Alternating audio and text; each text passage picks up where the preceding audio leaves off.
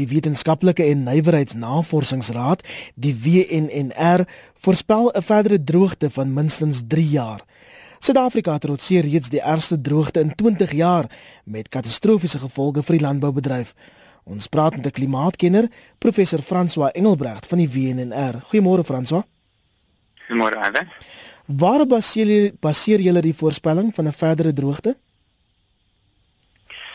Alhoewel die voorspellings wat dan gemaak word van uh, 'n hoë waarskynlikheid van ondernormale reënval oor die somerreënvalstreek van Suid-Afrika is net vir die komende somer, dis dan nie vir die volgende 3 jaar nie. En dit is gebaseer op die teenwoordigheid van 'n baie sterk El Niño verskynsel in die Stille Oseaan. So gewoonlik wanneer ons El Niño het, en dit beteken groot gedeeltes van die Stille Oseaan is ervaar bo normaal warm temperature, dan lei dit tot onder normale reënval gedurende ons Desember tot Februarie seisoen. Nou die 2015 El Niño is besonder sterk. Dit gaan waarskynlik een van die heel sterkste El Niño gebeurtenisse nog wees. En as gevolg daarvan is dit baie waarskynlik dat ons droogte toestande kan kan ervaar oor groot gedeeltes van oostelike Suid-Afrika hierdie somer. Nou die El Niño verskynsel gaan na alle waarskynlikheid voortduur tot in die herfs van volgende jaar. Daarna gaan dit heel moontlik verdwyn. En die reënval teen ons volgende somerseisoen, een wat nou gaan volg op hierdie somer, kan kan natuurlik weer onnormaal wees, maar dit kan net sowel normaal of bo normaal. Franswa, hoe lyk die komende somer as ons daarop kan fokus?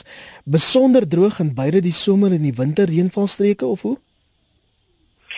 Ja, ons kan miskien jou eerste gesels oor die temperature, soos ons hmm. ook nou die insetsel gehoor het. En temperatuur speel ook 'n baie groot rol in in droogte toestande soos wat dit ervaar word deur ons boere. Nou 2015 gaan na alle waarskynlikheid die warmste jaar wees wat nog ooit gemeet is. Dis wêreldwyd. En dit is nou as gevolg van die gekombineerde effek van hierdie groot El Niño gebeurtenis saam met globale verwarming. So ons ons ons het nou al reeds die afgelope winter rekordtemperature ervaar oor groot gedeeltes van oostelike Suid-Afrika en sluitend dele van die Noord-Vrystaat en Gauteng en en verder oos. En na alle waarskynlikheid gaan hierdie somer dan ook besonder warm wees. En saam met 'n hoë gemiddeld warm somer kom dan natuurlik ook hittegolwe wat op hulle eie baie nadelig is vir spesifiek die mielies. En dan gepaardgaande daarmee is dan die ondernormale reënval totale wat ons verwag spesifiek vir die periode Desember tot Februarie.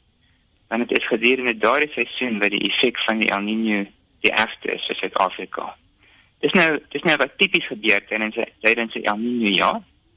En ek, ek kan ook ook net byvoeg dat Hoewel hierdie die waarskynlike uitkoms is, droogte toestande en bo-normaal warm toestande, was daar ook al in die verlede uitsonderings. En die beste voorbeeld was die groot El Niño gebeurtenis van 1997-98 tot nou toe die grootste op rekord. En daardie spesifieke El Niño was 'n groot uitsondering in die sin dat dit geassosieer was met byna normale reënval oor die somerreënvalstreek. François praat nou van El Niño, maar wat van klimaatsverandering? Het dit ook 'n impak? Ja, ek dink klimaatsverandering speel 'n besliste rol in die feit dat 2015 die warmste jaar op rekord gaan wees. Ehm um, so as ons na Suid-Afrika spesifiek kyk, sien ons absoluut ehm um, onteenseglike bewyse van drastiese toenames in temperatuur wat oor die afgelope 5 dekades voorgekom het. So byvoorbeeld oor die winter in die Hoëveld is ons temperature al reeds 2 grade warmer as wat dit was 100 jaar gelede.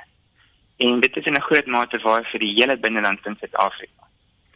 As ons kyk na reënvaltendense, dan sien ons in die Suidwes-Kaap wat natuurlik nou ook 'n geweldige droë winter ervaar het.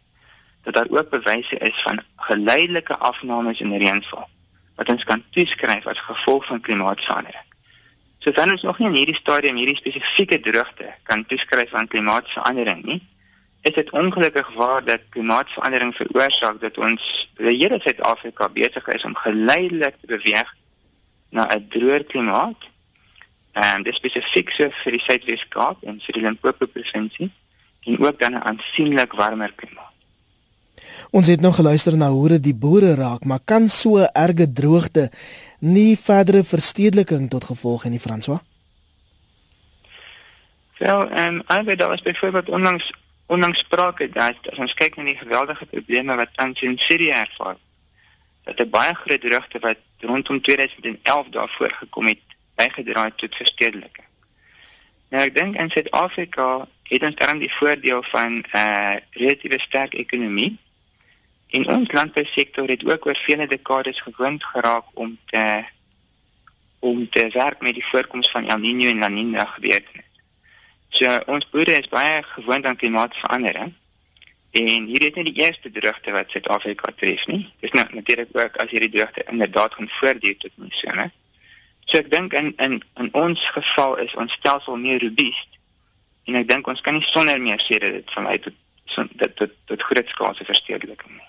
Dis geweldig interessant jy verwys nou na Sirië en 'n verskynsel 'n verskynsel soos droogte het al elders in die wêreld gelei tot groot revolusies. Ek dink nou hier aan die Arabiese lente.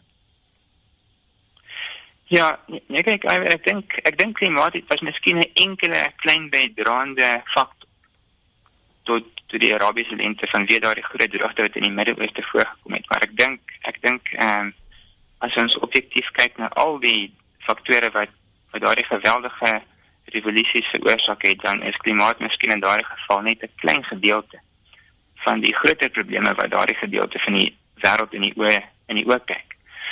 Dit is wel ook so dat daar wel objektiewe voorspellings is dat onder klimaatsverandering waar ons in groot gedeeltes van Afrika in 'n aansienlike warmer en droë stelsel inbeweeg waar die milieu spesifiek drasties kan afneem, dat ons dalk in die toekoms nou meer na 'n probleem kan kyk wat werklik beskryf sal kan word as 'n probleem van klimaatvlugtelinge. En in ander gedeeltes van die wêreld, byvoorbeeld Suidoos-Asië, is dit waarskynlik so dat seevlakstygings en tiene van miljoene van mense kan verplaas in die tweede helfte van die 21ste eeu. En dit sou natuurlik ook kan beskryf word as uh, as 'n situasie van klimaatvlugtelinge direk veroorsaak deur verandering in die klimaatstelsel. En wat van verdere armoede en werkloosheid? Ehm um, Eigenlijk, ik denk dit is een, dit is een bijna complexe vraag wat um, een econoom dit zou kan antwoorden. Mm. Maar ik denk, um, ons weet, ons heeft daarom een groot voordeel, namelijk dat klimaatverandering is, is een geleidelijke proces. En hoewel daar verandering voor ons voorlee, en reeds in de volgende 20 tot 30 jaar, um, is die grootste probleem van klimaatverandering te wachten in die, in die tweede helft van die 21ste eeuw, wanneer die kweekhuiseffect werklik drastiese afmetings gaan afneem onder onder sekere scenario's van kweekhuisgasvrystellings. En ons het die voordeel van van tyd om aan te pas vir die verwagte verandering. So ek dink ehm um, met genoegsame beplanning kan ons van die effekte voorkom en bestry. En, en moontlik kan ons kan ons ons ekonomie in 'n mate reduce maak teen die komende veranderings van klimaatsverandering. Franso as daar in Suid-Afrika spesifieke vorige droogtes wat jy altyd sal onthou. Ja, ek dink die die groot El Niño gebeurtenis van 1983-84 sou almal baie duidelik onthou. Dit was 'n geweldige droogte waar ons somer in Vosstreek. Meer onlangs, ek dink die die mees onlangse groot droogte veroorsaak deur El Niño was ek dink 1991-92. So dit illustreer miskien wat ek genoem het, naamlik dat um, El Niño veroorsaakte droogtes is daar nie eh uh, netjie vir Suid-Afrika nie. En ons landbousektor het al vele kere deur El Niño gebeurtenis gewerk en geleef. En ek glo dit sal weer die geval wees hierdie komende seisoen. Jy praat nou van die 83-84 droogte ook 91-92. Hoe lank het dit geduur? So hierdie hierdie ware El Niño droogte stuur gewoonlik vir 'n enkele seisoen wat daar werklik 'n uh, intense droogte is. Ehm um, nou daar is ook gevalle waar daar 2 en selfs 3 seisoene is van van ver onder normale reënval. Nou as ons op die oomblik na die reënval statistieke kyk, ehm um, oor die afgelope jaar, dan was daar groot gedeeltes van die Suidwes-Kaap, ehm um, KwaZulu-Natal, die suidelike gedeeltes van Mpumalanga en groot gedeeltes van die Noordwes provinsie, Oostelike Vrystaat en Limpopo wat nou al reeds beskryf kan word as uh, as asof hulle 'n ernstige droogte toestand ervaar. En dit span net die Suid-Kaap en die Oos-Kaap wat in hierdie stadium nie nie nie net minstens matige droogte toestande ervaar. So indien ons nou hierdie komende seisoen weer onder normale reënval gaan hê, soos wat waarskynlik die geval gaan wees, dan praat ons nou van 'n ten minste 'n tweede seisoen en vir van hierdie gedeeltes wat ek nou net genoem het, 'n derde seisoen van van onder normale reënval. En dit begin nou inderdaad natuurlik 'n uh, baie 'n baie drastiese wat ons nou in weerkundige terme 'n ekstreme droogte toestand noem. Dit begin daarin ontwikkel. Baie dankie, so sê professor François Engelbrecht, hy's 'n klimaatkenner van die WNR.